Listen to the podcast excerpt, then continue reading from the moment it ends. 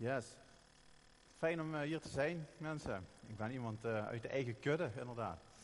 Het is ook, eh, ook leuk om, om hier te zijn. Voor degenen die me niet kennen, mijn naam is Michael Stork. Ik ben 33 jaar oud. Ik ben komende woensdag 10 jaar getrouwd met Angela. En, wij, en, God heeft ons drie mooie kinderen toevertrouwd. Dus daar ben ik heel erg trots en erg blij mee.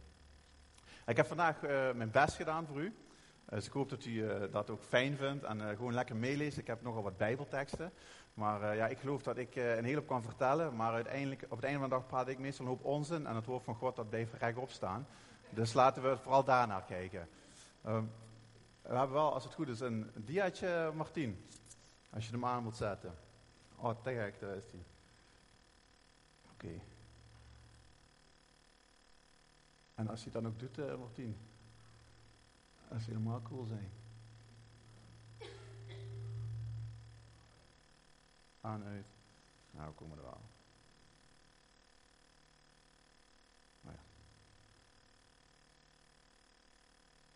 Aan, uit, ja. oh. Nee, ene terug, Martien. Dan gaan we het zo doen. Yes, laat maar even staan. Oké, ik wil het met jullie hebben over eh, de wereld. Over, we leven in de wereld. En misschien heeft u het in de gaten of niet, maar de wereld kan u helemaal knechten. Of u het leuk vindt of niet, morgen gaan de meesten werken. De meeste kinderen gaan morgen naar school. En mijn dochter heeft eh, biologieboeken, dat vond ik super interessant. Dat is het eerste waar ik naar kijk. En dan zie ik meteen weer de evolutietheorie. En dan zie ik een hele hoop onzin waar ik niet vrolijk van word. En dan wordt mijn dochter geleerd. En ik zeg, vul maar gewoon in wat ze willen horen. is gewoon onzin. Maar ik vertel mijn dochter wel dat God bestaat. Dat is ook onze verantwoordelijkheid als ouders. Datgene wat het systeem jullie kinderen of ons aanleert, om dan toch uh, te blijven kijken naar wat het woord van God zegt. Um, we hebben er dus geen uh, ontkomen aan. Nou, wat nou uh, hartstikke mooi is, dat wij zo'n verhaal in de Bijbel ook tegenkomen, dat er een volk in de woestijn zit, als het ware. Dus zo kan het ook voelen als je in de wereld zit, als de woestijn voelt. En dat hij die woestijn uit, uit wil trekken. En dan heb ik het natuurlijk over de Exodus. Nou, en ik wil u ook gaan vertellen van, is het nou heel negatief om in een woestijn te zitten? Want misschien zit u persoonlijk hier in een woestijnfase. Misschien zitten we als gemeente wel in een bepaalde woestijnfase. Maar ik wil gaan vertellen dat het eigenlijk helemaal niet zo slecht hoeft te zijn. Nou, allereerst is natuurlijk uh, het volk Israël. We kennen allemaal het verhaal van Jozef. Jozef werd onderkoning en hij nam uh, zijn volk op een gegeven moment mee naar uh, Egypte, want er waren, was graantekort. Dus zij moesten naar een andere wereld trekken, als het ware. Um, zij kwamen daar in Egypte terecht. En Egypte is in de Bijbel ook het beeld van de wereld.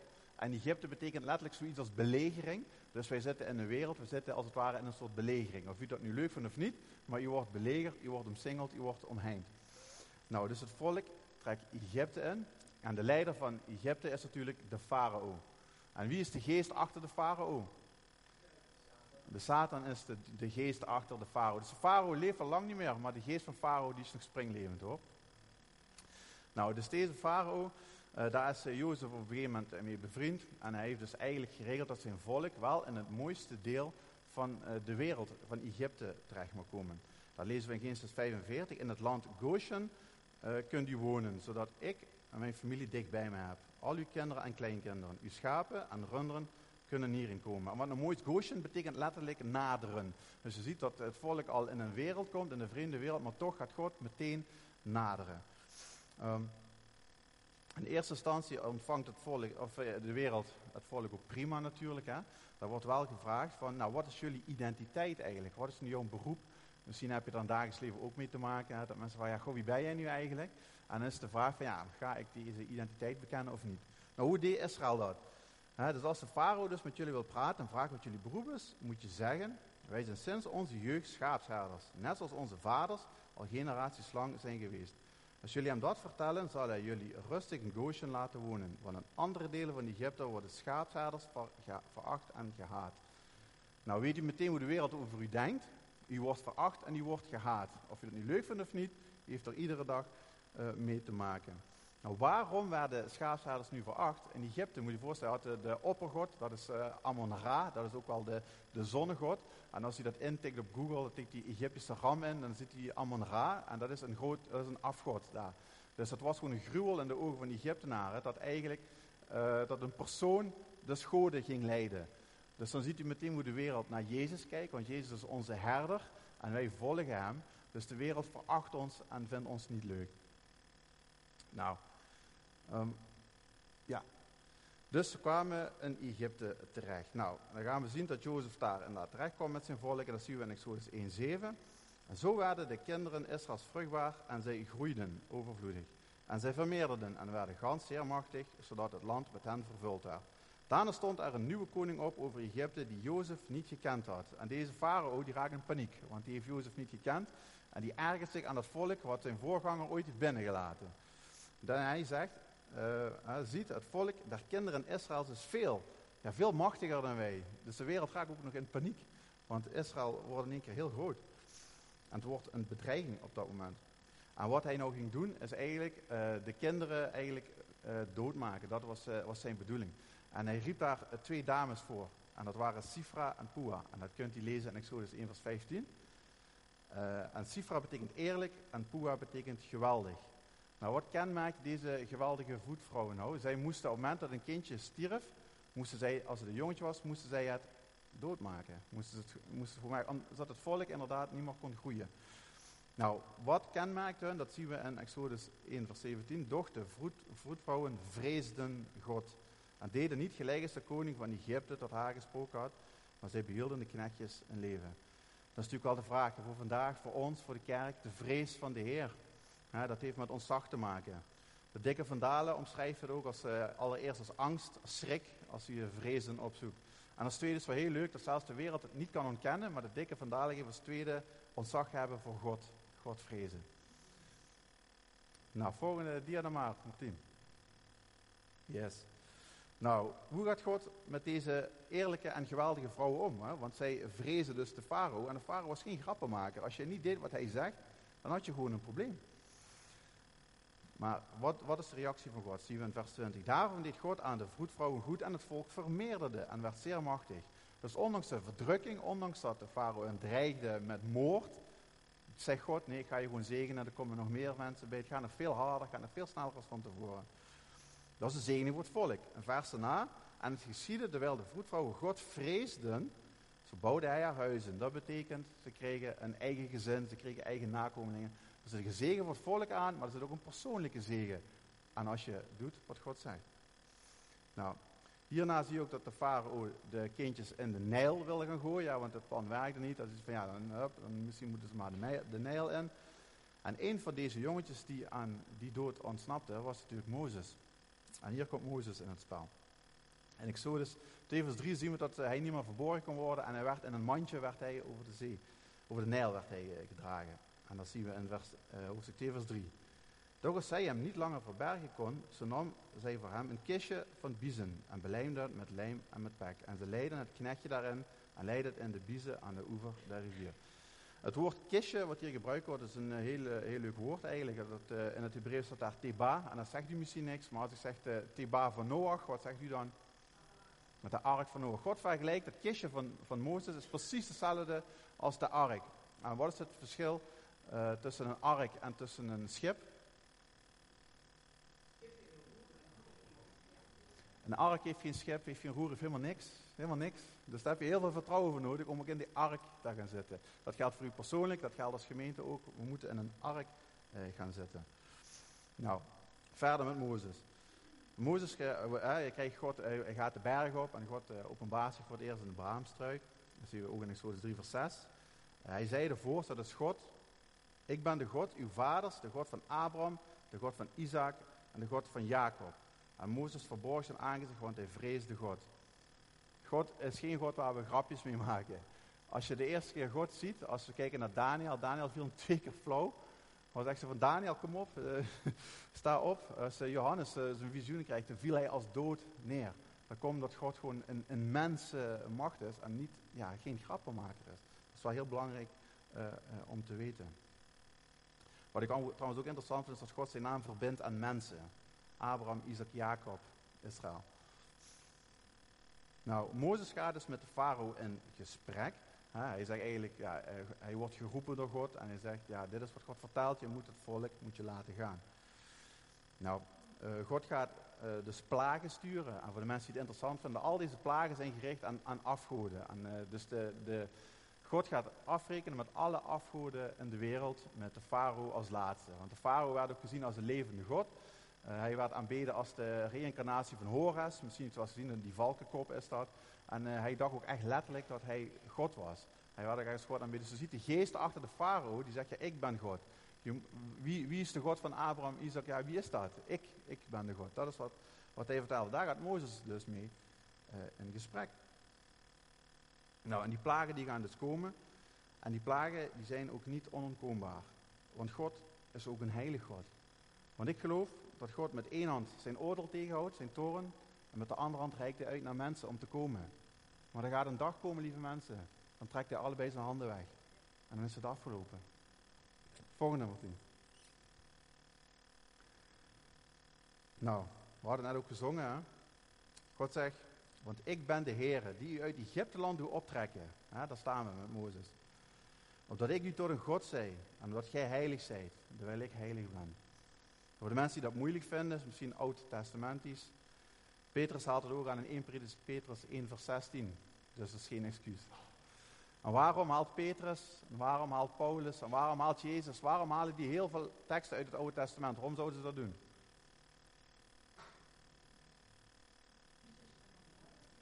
Er was geen Nieuw Testament. Dus het is ook goed als u uw Bijbel leest, dat u beseft dat op dat moment, als die mensen spraken, dus als het over de geschriften gaat, dan gaat het over het Oude Testament. Nou, we hebben het over heilig zijn. Maar wat is nu heilig zijn? Heilig zijn heeft dus met apart gezet, dat je woord apart gezet. Maar wat is het tegenovergestelde van heilig? Goed maar Onheilig. Onrein. Het tegenovergestelde van heilig is gewoon. Als we kijken naar Genesis 2, vers 2, dan kunnen we zien, als nu God op de zevende dag volbracht had zijn werk wat hij gemaakt had, heeft hij gerust. Daar staat het woord Shabbat. Op de zevende dag van al zijn werk dat hij gemaakt had. En God heeft de zevende dag gezegend en wat heeft hij die?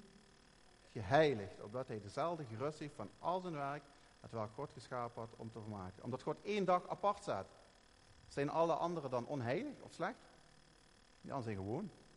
Dus dat is het verschil, dat als u weet wie God is, wie Jezus, als u werkelijk weet wie uw verlosser is, dan bent u heilig, bent u apart gezet. En niet omdat u fantastisch bent, maar omdat God zegt, ja maar ik ben fantastisch, ik ben heilig en daarom mag jij heilig zijn. Ja, maar er zijn dus ook mensen die heel veel goede dingen doen. Ja, dat klopt, dat zijn heel veel goede doelen, dat zijn fantastisch. Maar die mensen zijn niet bijzonder in de ogen van God.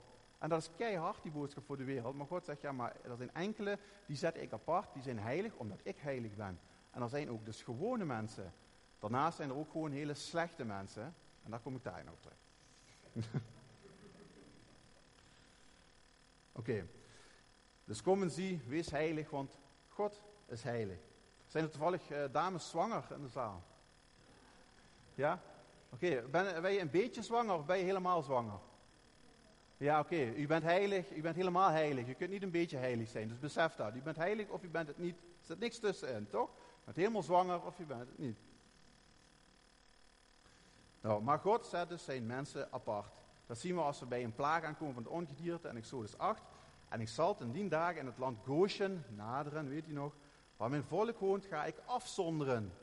Dat daar geen vermenging van ongedierte zij, opdat je weet dat ik de Heer ben in het midden des lands. En het woord voor afzonderen betekent onderscheiden, afgebakend, gescheiden. U bent voornaam, u bent prachtig, u bent in Gods woorden apart gezet.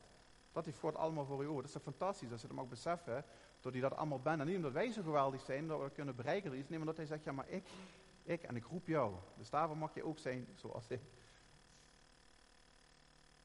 Nou, bij de veepestplaag zien we hetzelfde in Exodus 9 vers 4. En de Heer zal een afzondering maken tussen het vee der Israëlieten en tussen het vee der Egyptenaren, dat er niet sterven van al wat van de kinderen Israël is. De plagen kwamen, of ze het leuk vinden, vonden of niet.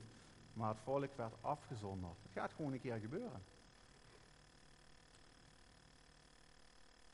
Nou, volgende dia, ja, Martien. Yes. Nou, waarom uh, is de wereld of het kwaad, ja, waarom is die dan zoals die is? Nou, als we kijken naar Exodus 9 vers 16, dan staat maar waarlijk, daarom heb ik u, dus in dit geval de farao, verwekt, omdat ik mijn kracht aan u betoonde en dat ik men mijn naam vertellen op de ganse aarde. God heeft de farao in dit geval dus gemaakt, zodat hij door hem zijn kracht kan laten zien. Paulus haalt deze tekst trouwens ook aan in Romeinen 9, 17. Dus is ook heel Nieuw Testamentisch. Nou, wat het interessante is van uh, het licht valt dus beter op doordat er duisternis is. Als je s'avonds op het terras zit, dan uh, herken je dat misschien wel. Hè? Dan de duisternis overvalt je eigenlijk als het ware, toch? Als je buiten denkt, hé, hey, het is in één keer het is donker. Maar toen ik vanmorgen de luxe ook maakte, was ik, wow, en het licht is er. Dus het licht breekt echt door. We zien ook duisternis overvalt je als een deken en het licht dat breekt door. Dat is ook een groot verschil. Nou, de volgende plaag, de hagelplaag. En God waarschuwt de mensen uit Egypte, dus de mensen uit de wereld, om ontzag voor hem te hebben. Dat betekent dat iedereen een keer gewaarschuwd gaat worden. Exodus 9 vers 20. Wie onder Farao's knechten des Heren woord vreesde, die deed zijn knechten en zijn vee in de huizen vlieden. Dus hij heeft niet alleen tegen Israël, tegen zijn volk gezegd, tegen de wereld. Hallo, ik ben het. Wil je of wil je niet? Heel simpel. En er waren mensen die serieus namen, er waren ook mensen die het niet serieus namen. Doch die zijn hart niet zetten tot des Heeres woord, die liet zijn knechten en zijn vee op het veld. Ik heb geen boodschap van God, wat heeft met God te maken? Je kunt me nog honderd keer waarschuwen, van allemaal prima, ik doe gewoon lekker wat ik wil. Ja, dat is prima, maar er komt een verschrikkelijke plaag en daar word ik gewoon niet blij van. Het feit dat God mensen constant blijft waarschuwen, dat noemen we genade. Dat is genade. God blijft waarschuwen, God blijft vragen, God blijft roepen. Maar er komt een moment, God staat zo, en één hand staat nog zo. Hij blijft waarschuwen, maar we kunnen ook niet zeggen, ik wist het niet, want hij gaat een keer zo doen. Nou, deze plaag is afschuwelijk natuurlijk. Hè? Er komt zelfs vuur uit de hemel. De bomen worden uit de grond gerukt. Dat is echt afschuwelijk om te zien. Ja, nu op het journaal zijn heel veel orkanen en toestanden. Ja, ik vind dat echt verschrikkelijk om te zien. Uh, maar ja, ik weet niet hoe dit was, maar dat moet echt, echt gruwelijk zijn geweest. Dat moet echt verschrikkelijk zijn geweest. Uh, heel veel mensen zijn daar ook gewoon gestorven. Maar, en ik zo dus 926 zien we, alleen in het land Goshen, waar de kinderen Israëls waren, daar was geen hagel. Wauw, worden weer apart gezet. Volgende dia, Martien. God is goed, we hebben het net gezegd. We herkennen het allemaal, God is goed. Daar ben ik het helemaal mee eens. Maar op zich, alleen zeggen dat God goed is, dat is helemaal niet zo bijzonder. Exodus 9, 27, hè? dus is na de hagelplacht. Toen schikte de farao heen en riep Mozes en Aaron en zei tot hem, ik heb mij ditmaal verzondigd. Hij wordt helemaal gek van de ellende die over hem heen komt. En wat roept hij? De Heer is rechtvaardig. Ik daarentegen en mijn volk zijn goddelozen. Hij zegt eigenlijk, God is rechtvaardig. God is goed. Zelfs de, de tegenstander weet dat God rechtvaardig is, dat God goed is. Dus dat is, dat is zeker bijzonder, maar alleen te zeggen is niet uh, bijzonder. Wat opvalt is dat de vader ook zegt, ik heb mij ditmaal verzondigd. Ja, ik heb nu een beetje, ben ik een beetje vervelend klopt. Alleen, alleen dit stukje inderdaad, uh, dat, uh, nee, dat, dat past niet, dat is niet juist. Inderdaad, Mozes, dat heb ik echt niet goed gedaan, sorry. Sorry, dus ik heb mij één keer, dus dat is geen totale overgave. Nou, het woord goddeloze, dat zijn dus die slechte mensen. Het woord goddeloze, dat betekent gewoon slecht, crimineel en zelfs vijandig tegenover God. Dus mensen zijn apart gezet. Je hebt gewone mensen en je hebt mensen die vijandig zijn tegenover God. Daar zit dus een verschil tussen. Maar dat verschil zie je ook mooi als, uh, als Abraham met God, als hij uh, God uh, bij Sodom en Gomorra, en zegt hij, en Abraham trad toe en zei, zult gij een rechtvaardige met een goddeloze ombrengen? Dat is het verschil. Hè? Er zijn een goddeloze en rechtvaardige mensen. Nou, de wereld, dus de farao, de goddeloze mensen, vragen om vurig tot God te bidden. Misschien herkent u dat, hè? Mensen om ons heen, er is ook niks mis met bidden. Hè? Vers 28. Bid vurig tot een Heer, want het is genoeg dat geen donder gods nog hagel meer zeggen. Oftewel, stop met de ellende. Dat zeggen mensen vaak. Stop ermee. Wat me nu overkomt, is verschrikkelijk. En het klopt, is ook vervelend. Tot de donder zal ophouden en de hagel zal niet meer zijn. Oh nee, ik ben verkeerd, sorry. Want het is genoeg dat geen donder nog hagel meer zijn. Dat ik jullie lieden trekken laten en jij zult niet langer blijven. Nou, en wat doet Mozes? Hij gaat vervolgens bidden en hij zegt, wanneer ik der stad uitgegaan zal zijn, zal ik mijn handen uitbreiden voor de Heer. De donder, dus het oordeel, zal ophouden en de hagel zal niet meer zijn. Omdat jij weet dat de aarde des Heren is. Getuigenis van Mozes tot de ander. Gewoon bidden voor de anderen. Er is niks mis mee. God laat dus zijn kracht zien. Maar er is een probleem met de wereld en met de goddelozen en ook met de gewone mens. Ze erkennen wel dat God goed is en rechtvaardig, maar ontbreekt iets. Vers 30. Nochtans, u en uw knechten aangaande, zegt Mozes, weet ik dat lieden voor het aangezicht van de Heere God nog niet vrezen zult. De wereld heeft geen ontzag voor God. Ze zien alle wonderen gebeuren, ze zien alles op en afkomen, maar ze zijn niet nederig. Omdat er geen ontzag is, mensen, is ook geen bekering. Het gaat er weer een stukje beter met mij. Ik heb God niet nodig. Wat maakt het allemaal uit? Vers 34 eh, zien we toen de farao zag dat de, de, regen en de hagel en de donder ophielden, zo verzondigde hij zich verder en hij verzwaarde zijn hart. Hij zei net daarvoor, God is rechtvaardig, God is goed. Oh, sorry, oh, bid voor mij. Oh, alsjeblieft, plagen zijn weg. Yo, doei. Maak het uit. En hij en zijn knechten. Hè? Dus hij, hij zijn hart. Hij zette dus niet zijn, zijn hart naar het woord van de Heer. Hij moet ook luisteren en doen wat God zegt. Het is dus geen echte bekering. Hij liet het volk ook daarna uh, niet, niet uh, wegtrekken. Bij echte bekering hoort structurele erkenning van zonde. Eén keer bidden en het is goed met mij, ja, dat is heel fijn, maar het is een blijvend, blijvend proces, mensen. En waarom? Omdat God een heilig God is. We moeten constant moeten we daarmee bezig blijven. God is zeker goed, maar als ze alleen maar mensen vertellen God is goed, vergeef mij, maar dan is het een half evangelie. Het is een half evangelie, alleen maar mensen zeggen God is goed. Dat klopt. Zelfs de goddeloze zegt God is goed. Ja, dat weet hij. Ja, dat klopt. God is goed. Fijn. En wat dan nou? Ja, God is goed. Dit noem ik zelf ook wel eens, misschien ook wel bekend bij u, het liefdes- of het welvaartsevangelie. En dit evangelie kan, komt alleen maar tot het vlees en komt niet in het hart. Want zet in het hart niet naar het woord van God. En als je het hart niet naar het woord van God zet, blijft het in je vlees steken. En verander je niet. Farao verzwaarde zijn hart, terwijl hij wist dat God goed was. Het evangelie, liefdes-evangelie, gaat alleen maar over ik. Hoe word ik beter? Hoe word ik welvarender? Misschien wel, centraal. Hoe wordt mijn kerk mooier? Hoe wordt mijn kerk beter? Hoe word ik een beter leider? Hoe word ik een slimmer leider? Hoe kan ik mijn doel bereiken? Hoe kan ik mensen beïnvloeden? Noem maar op. Farao heeft het gebed, maar het mag hem niks kosten. Het mag hem helemaal niks kosten. Nou, tegenwoordig is natuurlijk ook de vraag, is het de kerk die de wereld beïnvloedt of is het de wereld die de kerk beïnvloedt? Dat is ook de vraag voor vandaag. We willen, we hebben onszelf wijs gemaakt. En, uh, als we hier samenkomen, anderhalf uur op zondag, dat dat de kerk is. Maar weet je mensen, dit is, dit is zeker de kerk, begrijp me niet verkeerd. Hè?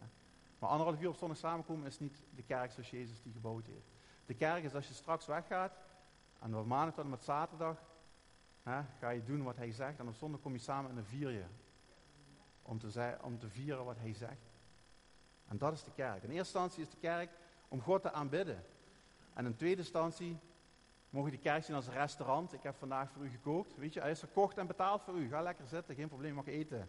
Neem wat u wilt. Allemaal geen probleem. Maar wat vooral belangrijk is, is dat hij leert om zelf te koken.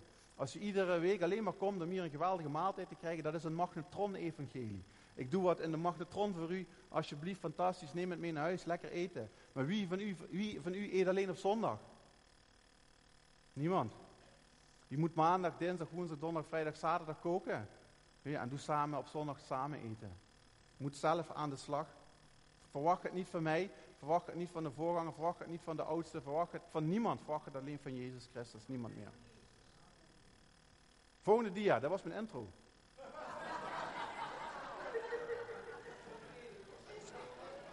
Maar bent u er nog? Uh...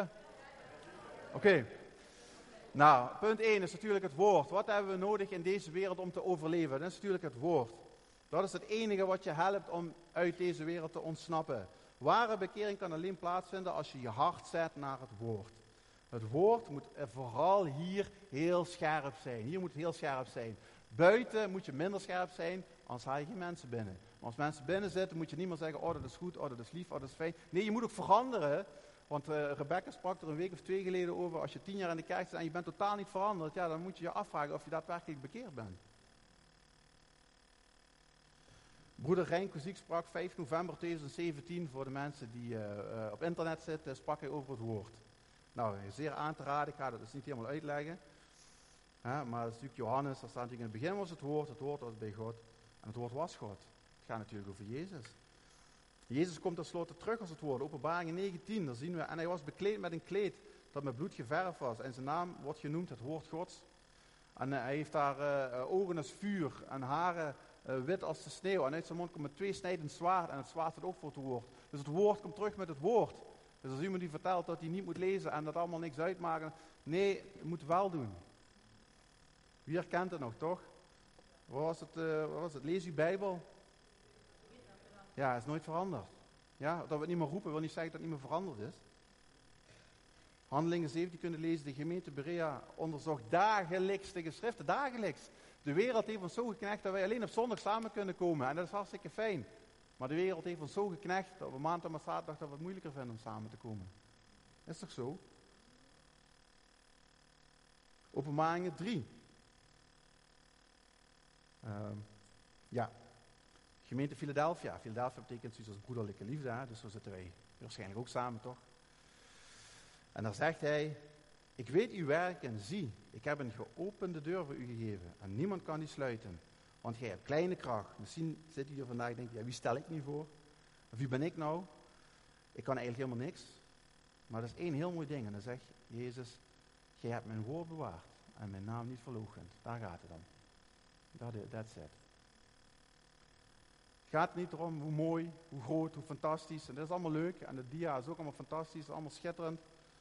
Uh, lampen, uh, techniek. Uh, maar de discipelen die verkochten geen boeken. Die kregen daar geen geld voor. Die kwamen niet op tv, die vroegen niet om geld, helemaal niks. Maar ik zeg je één ding, die hebben de wereld op de kop gezet. Alleen met dit. Alleen met dit.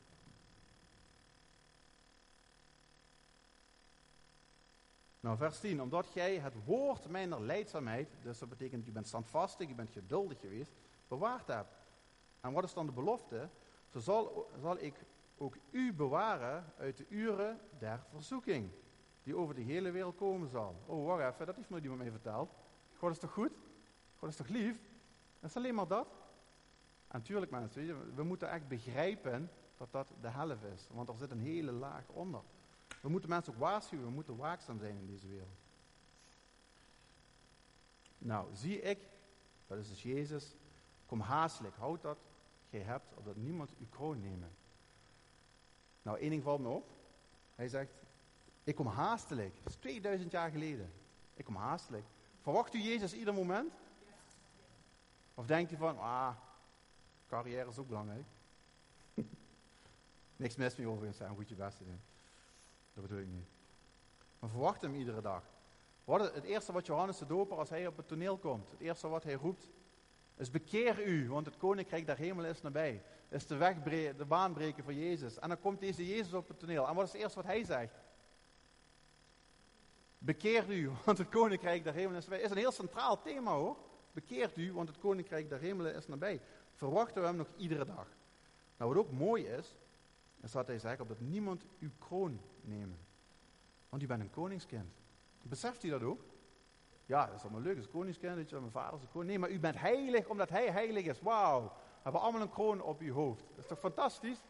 En die kroon kan vandaag hier scheef zitten. Ik kan niet door je heen kijken, ik kan niet door je hart kijken. Alleen God kan dat. Bij sommige mensen staat de kroon scheef. Maar als de kroon scheef staat, wil nog niet zeggen dat die af is. Dus je moet de kroon weer recht zetten. En zorg dat die niet afvalt. Houd wat jij hebt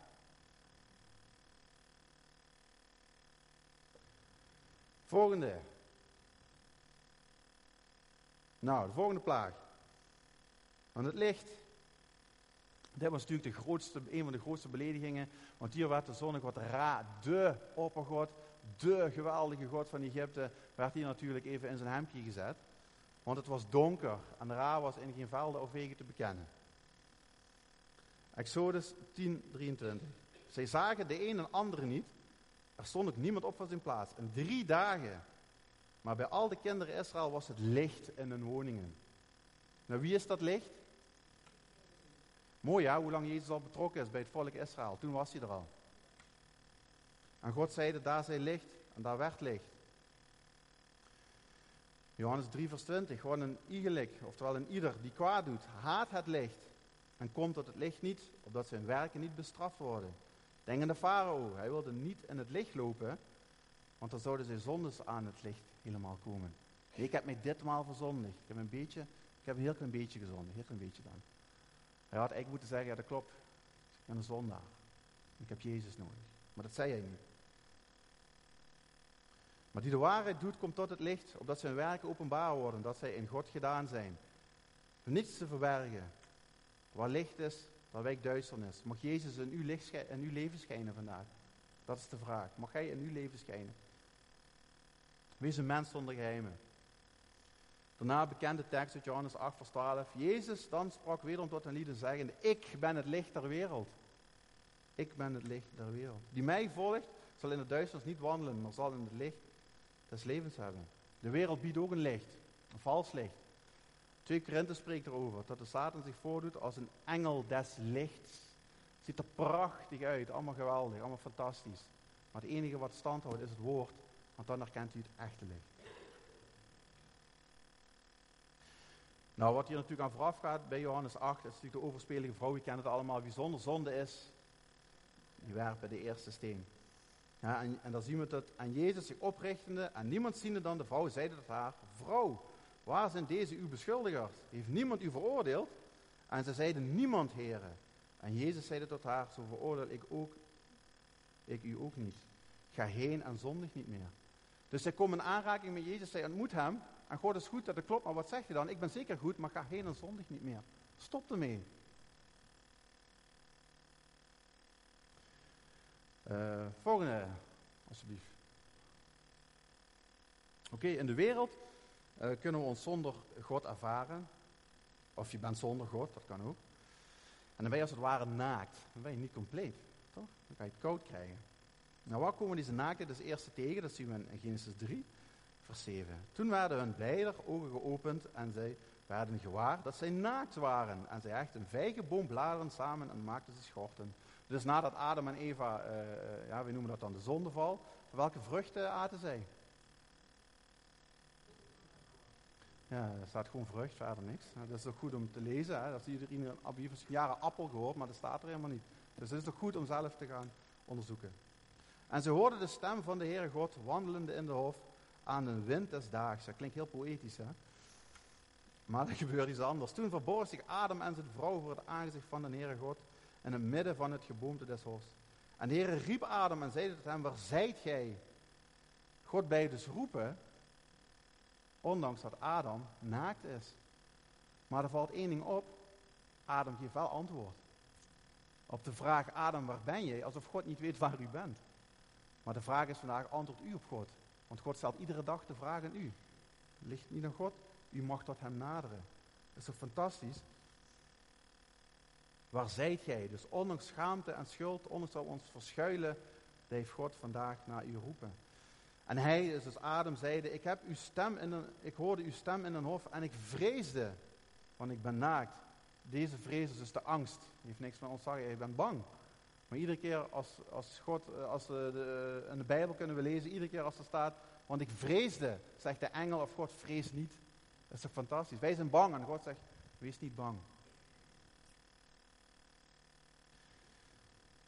Nou, God komt zelf met de eerste letterlijke oplossing door Adam te kleden. In Genesis 3 vers 21, en de Heer maakte voor Adam en zijn vrouw rokken van vellen en toog ze aan. Dat betekent dat God weer het eerste offer bracht, toch? Daar is dieren voor nodig. Dan denk je, ja, God, ja, we moeten al die offers brengen, leven in het Oude Testament, maar het is heel leuk om te zien dat God het eerste offer bracht. Want anders hadden ze geen, ja, ik weet niet hoe het kleedje uitzag, maar uh, kunt je er voorstellen misschien. Maar hij bracht het eerste offer. Dat betekent ook dat God er altijd is, tenzij u hem afwijst. God is er altijd, tenzij u hem afwijst. Nou, dat is natuurlijk het Oude Testament. Dat was zeg je het Nieuwe Testament over kleden. Dit is Romeinen 13. Leef zuiver zoals het hoort. Doe niet mee aan allerlei uitspattingen waarbij eten, drank en seks centraal staan. Maar geen ruzie en wees niet jaloers. Dat zijn allemaal zaken die we misschien moeten achterlaten. Maar wat dan wel? Omkleed u met de Heere Jezus Christus. En schenk geen aandacht aan de menselijke natuur. Laat uw leven beheerst worden door de Heere Jezus Christus. En geef niet toe aan uw eigen wil die alleen maar leidt tot verkeerde verlangens. Dus geloof in Jezus, ontmoet Jezus, maar net zoals de overspelige vrouw, maar stop ook met zondigen. Oké. Iedereen die de zondig is, is eigenlijk als het ware naakt. Overkomt mij ook gewoon heel vaak, maar onthoud, ik heb nog steeds de kroon op. Maar ik kan nog steeds een beetje scheef staan. Nou, is er iemand hier die wil beweren zonder zonde te zijn? Even de volgende dia, Martien. Nou, ik zou het niet durven hoor.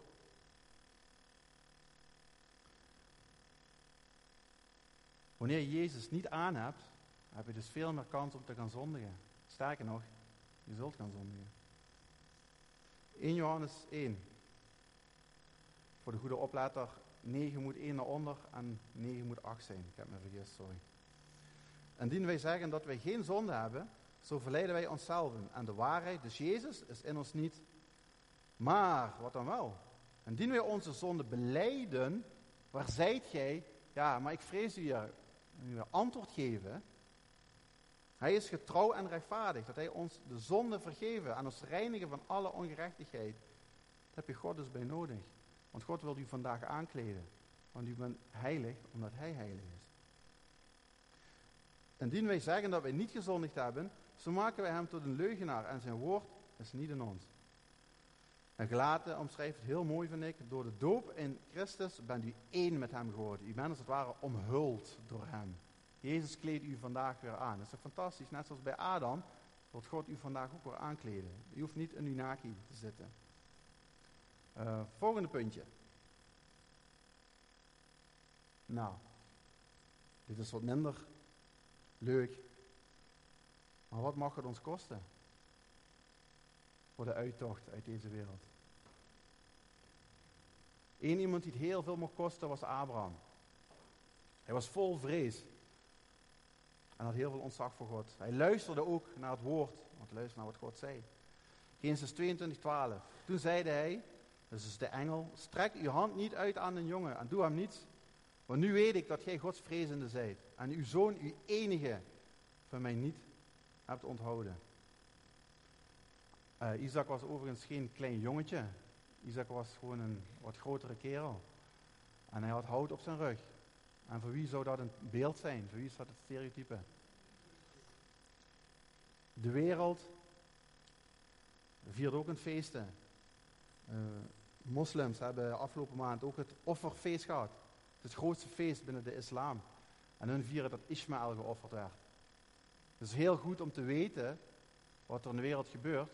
Want het gaat volledig voorbij aan de boodschap dat Jezus u wordt reinigen van uw zonde. Van die hoofd aan die voetzolen. Het gaat er helemaal aan voorbij. Klinkt heel mooi. Maar is helemaal anders. Helemaal anders. Nou, Abraham was dus vol vrees. Het mocht dan wat kosten. Maar wat zegt Jezus hierover? In Lucas 9, vers 23. En hij zeide tot allen, u achter mij wil komen, die verloochenen zichzelf en nemen zijn kruis dagelijks op en volgen mij. Dus je moet je oude ik achter je laten. Zijn kruis. Dus niet, het, eh, niet van je buurman, van je buurvrouw, niet diegene voor je, niet diegene achter jou. Nee, jouw kruis. En hoe vaak moeten we dat doen? Dagelijks, dankjewel. Dagelijks voor Jezus kiezen. Jezus was de enige natuurlijk die het kruis kon opnemen. Dat is ook niet wat hier bedoeld wordt. Jezus nam het kruis. Dat zijn u en ik totaal niet toen staat. Hij heeft over uw kruis. Wat is uw kruis vandaag? Kan ik niet voor u bepalen. Lucas 14, 27. En wie zijn kruis niet draagt en mij navolgt, die kan mijn discipel niet zijn. Want wie van u, willende een toren bouwen, zit niet eerst neder en overrekent de kosten dus eigenlijk is Jezus een enorme gentleman, toch? Hij vraagt eigenlijk, weet je het zeker? Want wie gaat iets bouwen zonder dat je weet wat het je gaat kosten? Goedkope genade, God is goed, dan heb je geen idee wat het je gaat kosten. We moeten mensen vertellen, als iemand mij een, een, een offerte komt maken, wil ik graag weten wat het gaat kosten, toch? Als ik maar zoveel euro heb en dan zeg ja, maar tot zoveel euro meer, ja, dan ben, dan ben ik toch een, eh, een aap gelogeerd, dan heb ik toch een probleem? Kan niet doen. Dat is een probleem. Maar Jezus heeft alles betaald, mensen. Dus het blijft constant bij hem. Uw kruis kan ook zijn. Misschien moet u wel sommige muziek niet luisteren. Misschien moet je sommige sites niet bekijken. Misschien moet je sommige tv-programma's niet bekijken. Kunnen we heel ingewikkeld over doen. Kunnen we ook jaren over praten waarschijnlijk. Ja. Er komt ook heel veel ja maar bij kijken. Maar sommige dingen moet je gewoon achter u laten. Want God was heilig, toch? Denkt u daar ook aan als u naar die site kijkt? Of denkt u daar ook aan als u daarna kijkt? Of nou dit of dat doet? Maar in die fase zegt God nog steeds, waar zijt jij? Dat is toch fantastisch, man? Het overkomt mij zo vaak, man, dat ik me echt, echt een loser voel, weet je dat? Maar dat er één iemand is die me aanklaagt en zegt, ja, je bent ook een loser. Hij is geweldig, man, om te herinneren wat allemaal fout gaat. Hij is geweldig om te herinneren wat hier in de kerk allemaal fout is. Hij is echt een meester in. Een meester. Maar er is er eentje die zegt, ja, maar waar ben je nou? Hij wil dat je naar hem toe komt. Dat is toch mooi, man?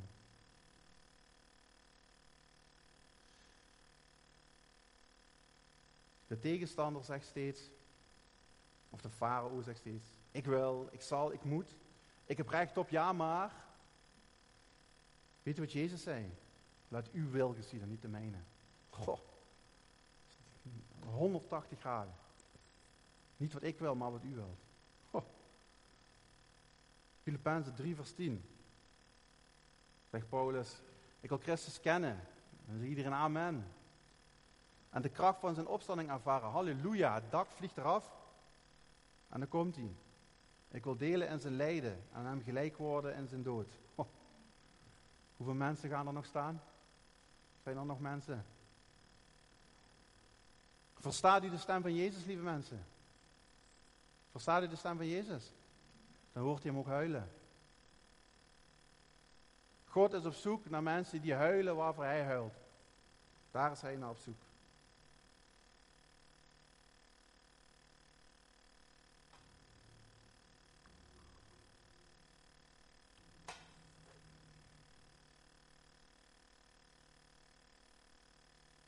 God wil zijn binnenste met u delen. In mijn relatie met mijn vrouw lach ik heel veel. Maar als ik niet huil, wat is het dan? Poppenkas, circus. Want ik geen piepo, of wel, alleen maar lachen. Achter die traan zat een lach. Andersom. God, en heel even goed luisteren alsjeblieft, is niet op zoek naar leiders. Er is niks mis met leiderschap, begrijp me niet verkeerd. God is niet op zoek naar leiders. God is op zoek naar volgelingen, naar discipelen. Naar mensen die hun kruis opnemen. Daar is God naar op zoek. Daar is hij naar op zoek. Mozes is misschien wel een van de geweldigste leiders die we kennen, toch? Maar alles wat Mozes wilde is geen leider zijn. God kwam in zijn hart en hij raakte hem. En hij liet Mozes huilen waarvoor hij huilde. Mozes, ik heb het gehuil van uw volk, van mijn volk gezien. En Mozes huilde waarvoor hij huilde. U moet je voorstellen, Mozes was hoog opgeleid aan het Egyptische Rijk. We kunnen nu vergelijken met, ja, weet ik veel, Harvard, Yale, noem maar op. En in één keer zat hij bij, bij een groepje slaven. En hij kwam met een groepje slaven. En dan zeiden ze, ja, wat kom jij doen? Met je hoog opgeleide. Kom je ons nu vertellen wat we moeten doen? En de Egyptenaren zeiden tegen hem, ja, wat is met jou? Wat ga je nou naar die slaven toe? Hij werd helemaal door elkaar geschud. Want als, dat is omdat hij huilde, waarvoor God huilde. Dus als we menen dat het fantastisch is om op het podium te staan of om dingen te doen, huil waarvoor God huil. Daar gaat het om. Het gaat om relatie. Mozes kostte zijn volledige identiteit. Hij moest helemaal opnieuw beginnen. Helemaal. Helemaal opnieuw beginnen. Mozes nam dus ook zijn kruis op zich. En zijn kruis was ook heel duur. Want hij moest heel veel opgeven. En het kruis kon alleen Jezus opnemen. Volgende dia, Martien. Oké, dat is natuurlijk waar het om gaat. Na de plagen komen we natuurlijk bij, wat wij noemen Pasen, Pascha terecht. En in Engels heeft daar een mooi woord voor, dat betekent pass over. En dat betekent dus voorbijgaan. Nou, wat, wat is dan met dat voorbijgaan, vraagt u zich af. Hè? Nou, wij mogen als gemeente, als persoon, mag u de deurposten van deze gemeente en van uw hart mag u bekleden met het bloed van het lam. Dat is toch fantastisch? Deze Israëlieten hadden trouwens heel veel geloof. Hè? Je moet je voorstellen, ik ben een slaaf en ik word onderdrukt. En ik had een keihard volk van de Egyptenaren. En ik moest in hun ogen een, een god, een lam, moest ik geslachten. Dus wow, dat kost mij al wat. Want ik, ik, beledig hun. En tegelijkertijd moet ik geloof hebben dat als ik dat doe, ja, dat dat ook gebeurt, toch? Want ik heb helemaal geen idee of dat gebeurt. Dus geloof, daar was al heel veel geloof aanwezig, hoor. Ik vind het knap dat ze het deden. Dus, zij moesten afrekenen met hun afgoden. Nou, sfeer vandaag de vraag, met welke afgoden moet u afrekenen? Exodus 12, 23 kunnen we het lezen, want de Heere zal doorgaan aan die Egyptenaren, oftewel de wereld, te slaan. Toch wanneer hij het bloed zien zal aan een bovendorpel en aan de twee zijposten, zo zal de Heere de deur voorbij gaan. Pasha. En wie de verderver niet toelaten in uw huizen te komen en om te slaan. En het uh, allerbekendste Bijbelvers misschien is in Johannes, wie, wie, weet wat ik bedoel, Johannes 3 vers. Maar wat staat daar? Wil iemand het oproepen? Dat?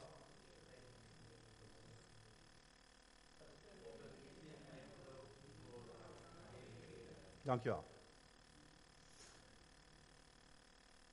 God is goed is natuurlijk een stuk, want God had de wereld lief, hij zijn enige geboren zoon gegeven toch? Want God had de wereld lief, God had de Egyptenaren lief. God heeft iedereen lief. Omdat ieder die in hen gelooft, niet verderven, maar eeuwig leven heeft. Het is links of het is rechts. Er zit niks tussenin. En de verderver, het Staatvertaling vertaalt het mooi, niet verderven. In het Grieks correspondeert dat ook met de verderver in openbaring 9.11. Misschien heeft dat van gehoord. Zijn naam is Apollon of Abaddon. hij, wordt daar uh, genoemd. De engel des afgronds. Maar wat het nou het mooie is, en dat vind ik het allerchiekste, is dat God de verderver niet toelaat. Weet u wat dat betekent? Dat God de verderver controleert. Hij is de baas over de verderver. Hij zegt, die is gemarkeerd.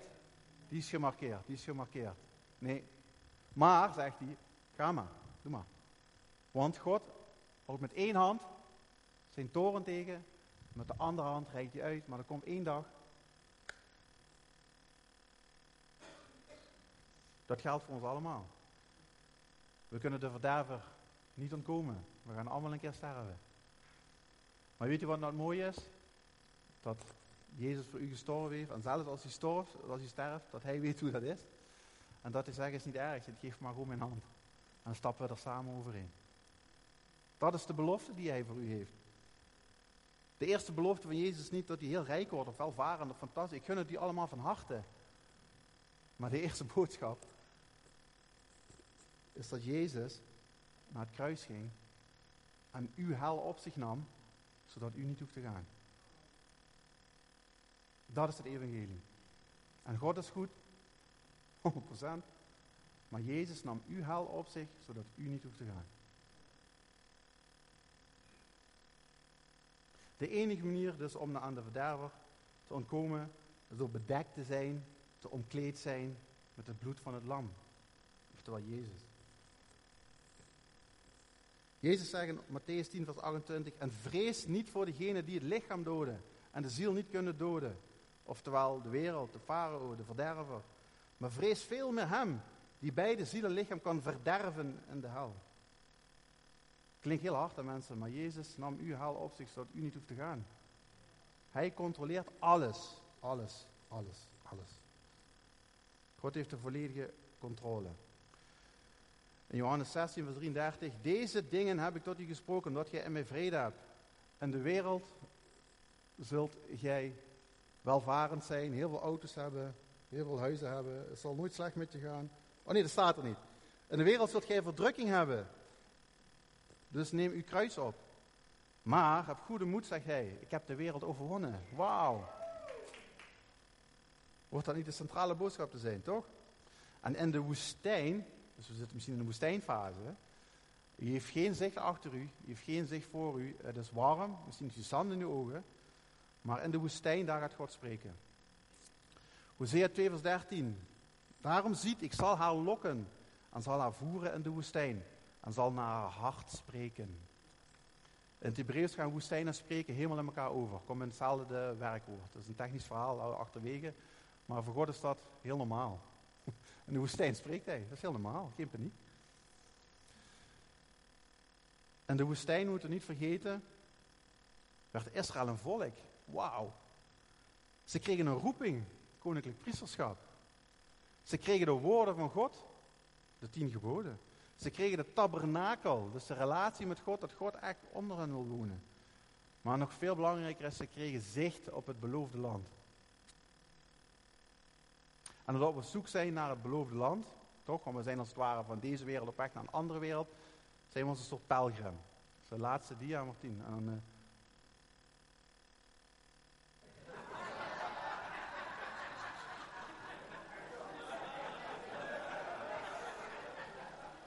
uh, ik, ik, had hem helemaal doorgestuurd.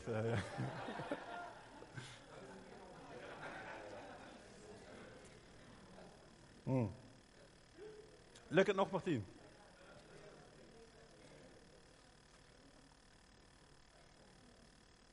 Mm.